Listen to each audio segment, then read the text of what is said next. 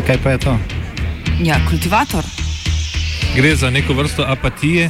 To lahko reče samo kreten, noben drug. Socialni invalid in ga je ne mogoče urejati. Drugi kandidat. Pa, pa pije, kadi, masturbira, vse kako ti lahko reče. Nihče tega ne ve. Vsak petek skultiviramo dogodek tedna. Lahko po kriterijih radio študent, težko pa po evropskih kriterijih. Ampak na drug način, kot vi to mislite.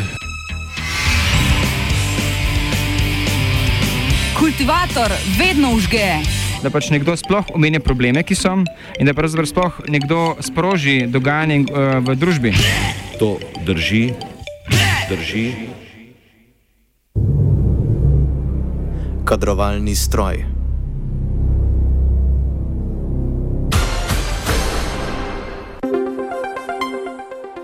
Ta teden je v državnem zboru potekala marčovska seja.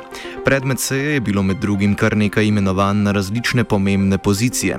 Poslanci so tako odločali o štirih ustavnih sodnikih, generalnemu državnemu toživcu, o kandidatih za fiskalni svet, svet Fundacije za financiranje invalidskih in humanitarnih organizacij, svet za radiodifuzijo, o nadzorniku sklada za financiranje razgradnje odpadkov nuklearne elektrarne Krško, predvideno pa je bilo tudi glasovanje o dveh nadzornikih slovenskega državnega državnega holdinga, krajše SDH. Največ prahu je v javnosti dvignilo imenovanje ustavnih sodnikov. Postopek izbora, kot ga predvideva ustava, komentira Ciril Ribičič, profesor ustavnega prava na Ljubljanski pravni fakulteti in bivši ustavni sodnik. Ta rešitev po ustavi, da uh, ustavne sodnike uh, predlaga predsednik republike in da jih voli državni zbor, ni najboljša. Ima pa to dobro stran, da zahteva soglasje med enim in drugim. Skratka, državni zbor ne more izvoliti nobenega sodnika, ki ga ni predlagal predsednik republike. In predsednik republike ne more državnemu zboru usiliti svojih eh, kandidatov, ampak o njih dokončno odloča eh, državni zbor. No, zaradi tega je razumljivo, da je predsednik republike pod pritiskom na eni strani eh, političnih skupin, se pravi parlamentarnih skupin, parlamentarnih eh, strank, na drugi strani pa pod pritiskom javnosti in strokovnjakov, ki želijo čim bolj strokovno uh, ustavno uh, sodišče. No, ne glede na to, da je bilo tudi v tem postopku kar nekaj očitkov o uh, kupčkanju in o drugih uh, negativnih stvarih, mislim, da je ta končni rezultat glede teh novih štirih sodnikov uh, relativno dober, vsaj če ocenjujem to strokovnega vidika, gre vendarle za štiri uh, ustavne sodnike, ki imajo vsi doktorat znanosti, ne glede na to, koliko nam je kdo uh, všeč in koliko se z njim strinjamo, moramo priznati, da so ustavno-pravni strokovnjaki. Posvetimo se kar novim ustavnim sodnikom. Marjan Pavčnik se je javnosti predstavil prvi. Gre za profesorja teorije prava in države na pravni fakulteti v Ljubljani, katerega knjiga Teorija prava je eno najbolj citiranih del v odločbah ustavnega sodišča.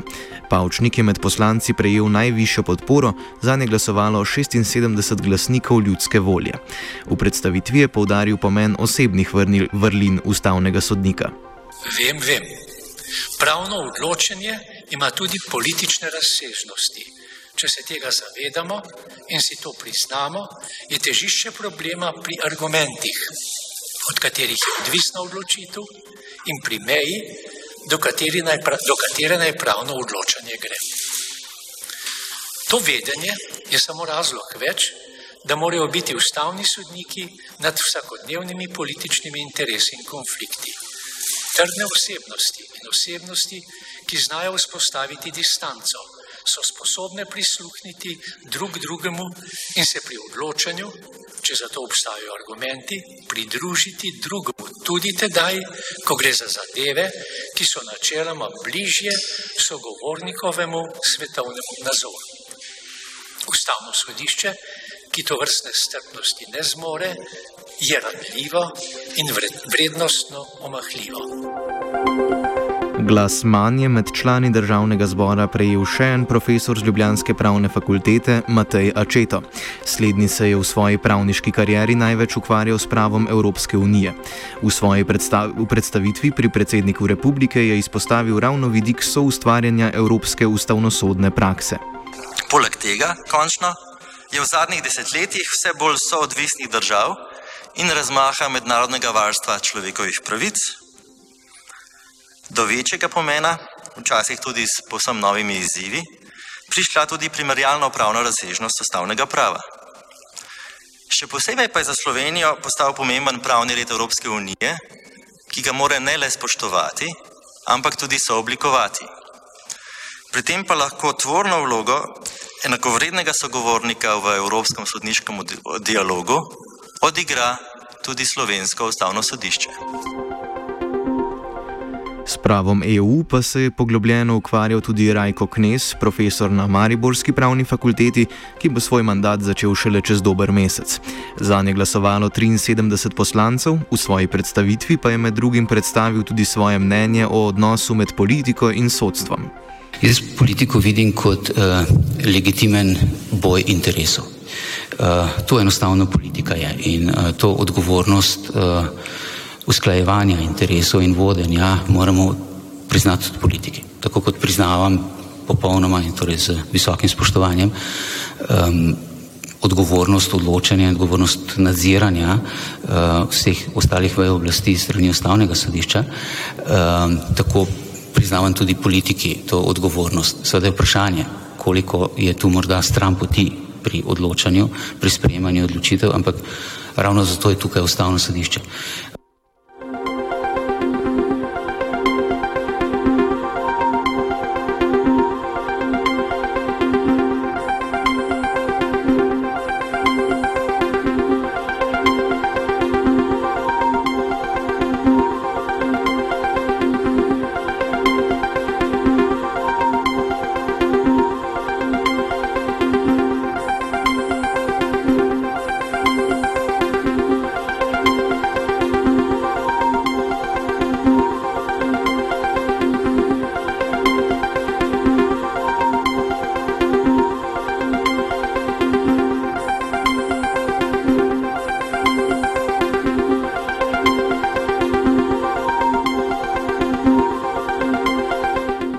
Ciril Ribičič meni, da se sicer svetovno-nazorski in politični pluralnosti na ustavnem sodišču težko izognemo, vseeno pa upozarja na razliko med Jakličem in ostalimi kandidati.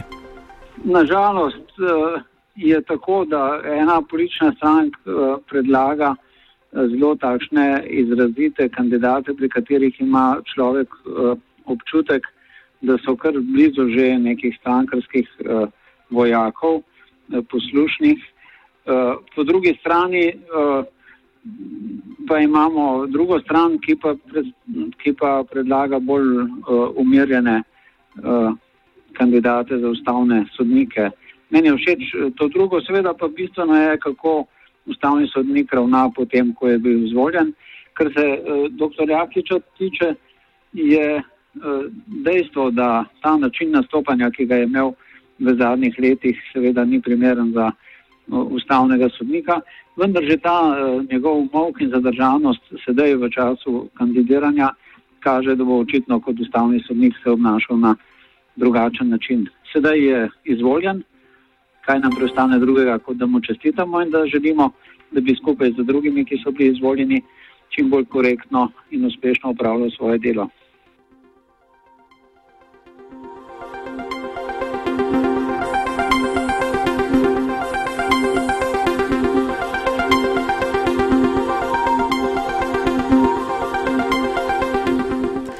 Imenovanje Jakliča je verjetno najbolj razburile tisto levo od sredine.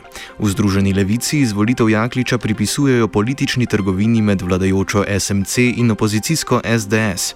Za izvolitev ustavnega sodnika sicer zadošča absolutna večina, zato razlog za podporo SMC-ja Jakliču vidijo v podpori SDS-a kandidatom za fiskalni svet. Razloži Luka Mesec, vodja poslanske skupine ZL.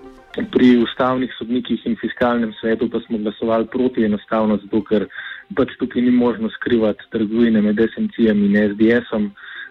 kjer je se za botra postavil kar sam predsednik države, ki je vse roke in uh, način izbire prilagodil temu, da je to, uh, to trgovino omogočil.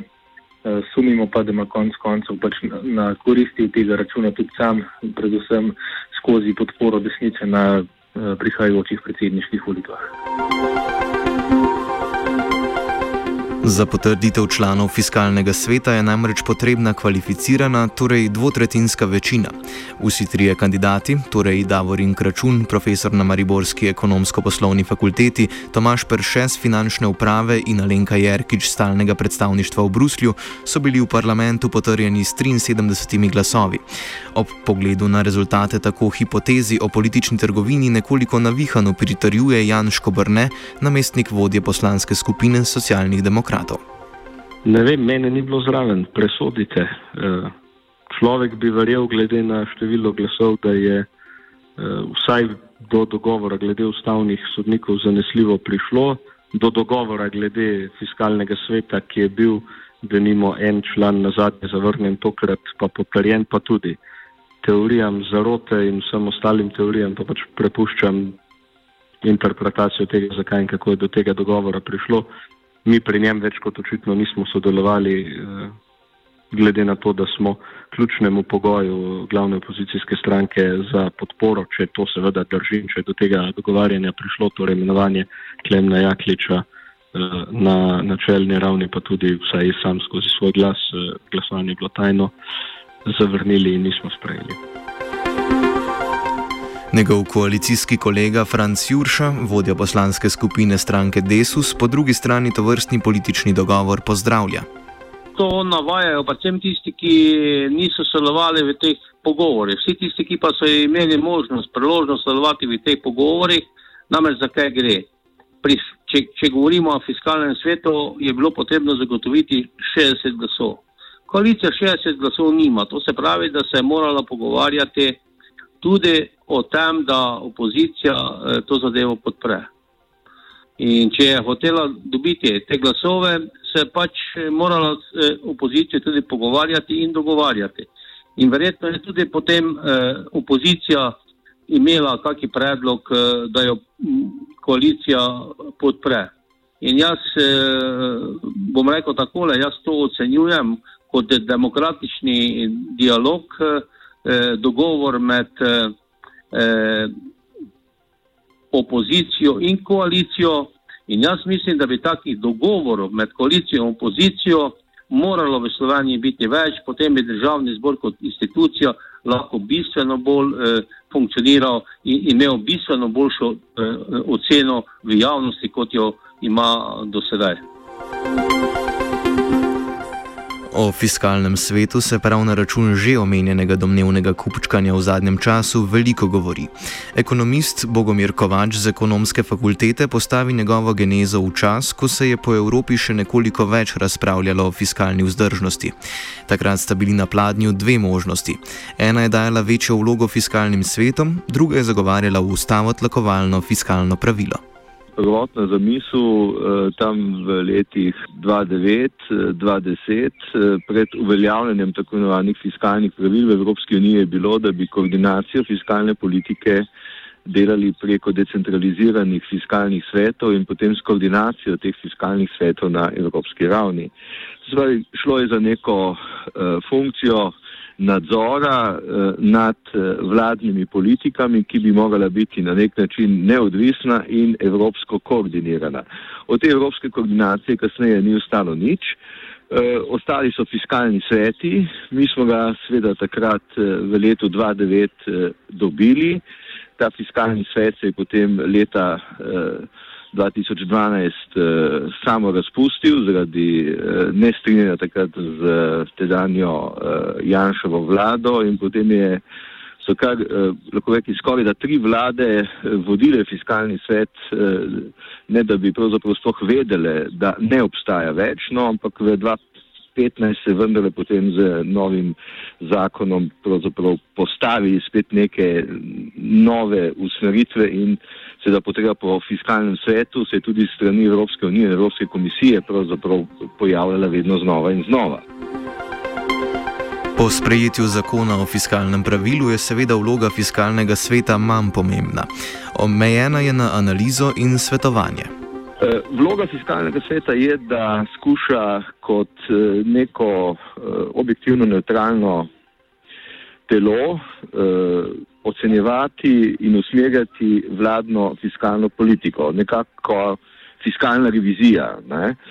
In to, kar uh, je seveda zdaj odvisno od uh, tega, v kolikšni meri fiskalni svet to lahko tehnično opravlja, kar pomeni, da mora priti uh, v položaj, da uh, ima ali lastne izračune, ne, kar bi bilo seveda daleč najboljše, uh, ali pa da seveda z obstoječimi izračuni se ravna skrajno skrbno in da nekako ima neke lastne poglede na uh, vlogo fiskalne politike, zdaj tudi celo znotraj tako imenovanih fiskalnih pravil. Uh, Na drugi strani gre za to, da je ta ocena seveda uh, dovolj avtoritativna in da jo vlada uh, zlasti finančno ministrstvo, skuša tudi upoštevati.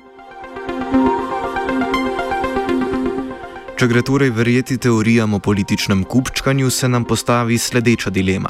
Zakaj si je Cerarjeva vlada tako zelo želela uskončno vzpostaviti fiskalni svet, da je v ustavno sodišče spustila tako imenovanega Janševega kandidata?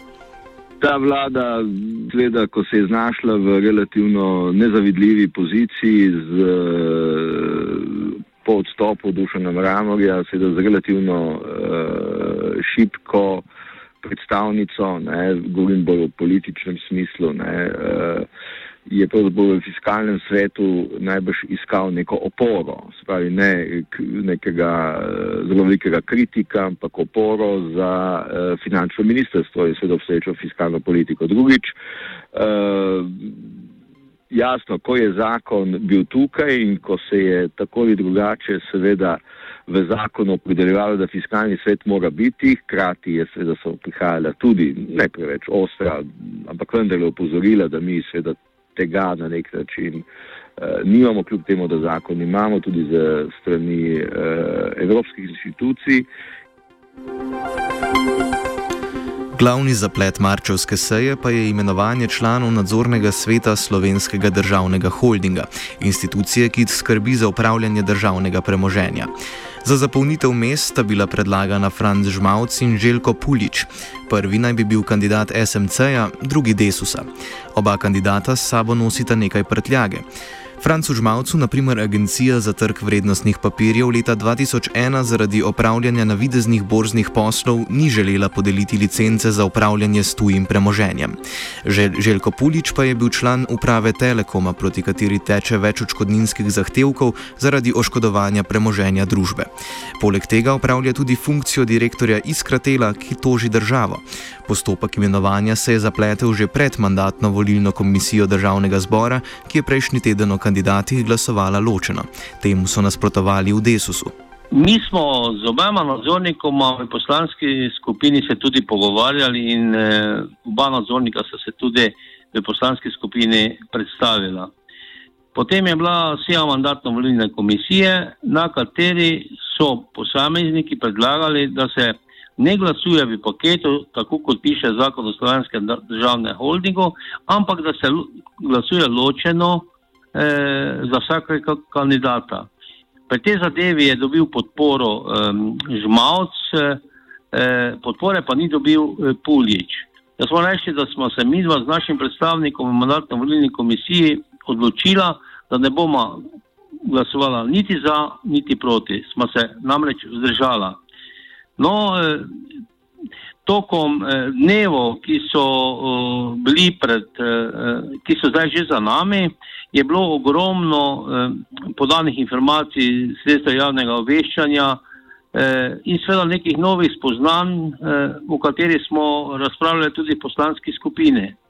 In moram povedati, da se poslanska skupina nekako odločila tako, Vkolikor ne bo glasovanja v paketu, da potem eh, tudi nameravamo podpreti nobenega izmed kandidatov.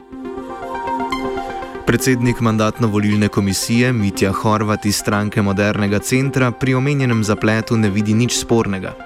Vsekakor je legitimno, če kdo meni tudi drugače. Na sami seji smo predlog za ločeno glasovanje uh, dali na glasovanje in mandatno-volilna komisija je z večino glasov odločila, da gre za ločeno glasovanje. Generalna sekretarka Združenja nadzornikov Slovenije Irena Prijovič opozarja na analogijo s podobno situacijo v preteklosti. Ob prvem neuspešnem predlogu za prvi nadzorni svet slovenskega državnega holdinga je, bil, je, bil, je bilo oblikovan predlog eh, Ministrstva za finance, ki je šel potem na predlog vlade. Eh, in če gledamo to analogijo, je takrat vlada zavrnila celoten predlog eh, Ministrstva za finance. Razrešila takratno strokovno komisijo, imenovala novo in v celoti ponovila postopek. To je bila pač ta neka pretekla izkušnja, ko je bil, ne glede na to posamične kandidate, sploh ni prišel proces tako daleč, da bi prišlo do mandatno-volilne komisije, ampak je v resnici bil v celoti kot tak zavrnjen. Tako da tudi, če bi šlo v presojo pred parlament, meni še enkrat rečem, ne poznam te poslovniške ureditve državnega zbora, ne, ampak vlada je predlagala dva kandidata, ne, bi bilo res treba videti, Mm, pravno, kaj ali lahko sploh državni zbor odloča samo enem. Ne glede na postopkovni zaplet, sta bila zadev koalicije kandidata sporna tudi vsebinsko, pojasnjuje Janško Brne, socialni demokrat. Najprej je neprimeren proces, v katerem kandidata, ki naj bi nadzirala 12 milijard slovenskega premoženja, ne podpišeta niti ustreznega eh, soglasja za upravljanje funkcije. Torej, če nadzornik ne opazi, da je podpisal soglasje za člana uprave in ne za nadzorni svet, potem že v tej točki težko verjamem, da je zelo eh, pikolovski, natančen nadzornik. Mi potrebujemo nadzornike, ki za sabo nimajo dvomljivih poslov, ki eh, niso eh, trenutno v sodnih postopkih zaradi potencialnega oškodovanja premoženja družb, katerih člani uprave so bili in še najmanj potrebujemo nadzornike, za katere nam nihče ne zna ali pa ne želi zanesljivo povedati, eh, da so bili ali pa če sploh so bili boljši od ostalih prijavljenih kandidatov. Iz Združenja nadzornikov Slovenije opozarjajo na nepravilnosti že v postopku iskanja kandidatov. V začetku ni bilo povsem jasno, na kakšen način je bil upravljen eh, strokovni pregled eh, kandidatov in tudi ali vlada kot celota stoji za kandidati. Namreč vlada je tista, ki potem eh, parlament oziroma državnemu zboru predlaga um, kandidate. Um, pogosto je potem bilo v medijih, da za uh, gospodom Puličem in gospodom Žmavcem uh, stoji um, ministrica za finance, medtem ko je pričakovanje, da za takim predlogom, ki gre potem naprej v parlamentu odločanje, mora stati vlada. Um, šele, mislim, da danes uh, sem videla tudi, da je bilo potrjeno strani enega od članov strokovne komisije, da s kandidati ni bilo, niso bili upravljeni intervjuji. Uh, to je pač absolutno premehna profesionalna skrbnost za imenovanje na tako pomembno funkcijo. Uh, tako da v resnici ni bilo nekako m, mm, natančno nam predstavljeno uh, kot javnosti, v, potem ko so se tudi pojavili neki dvomi, um, kako je um, bilo tudi delo strokovne komisije upravljeno. Oba kandidata sta sicer odstopila že pred današnjim zasedanjem državnega zbora, ko bi o njunem imenovanju odločali poslanci.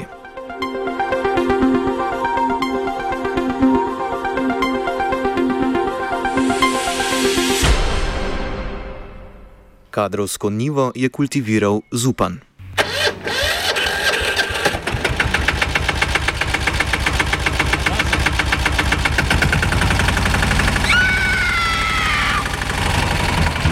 E, kaj pa je to?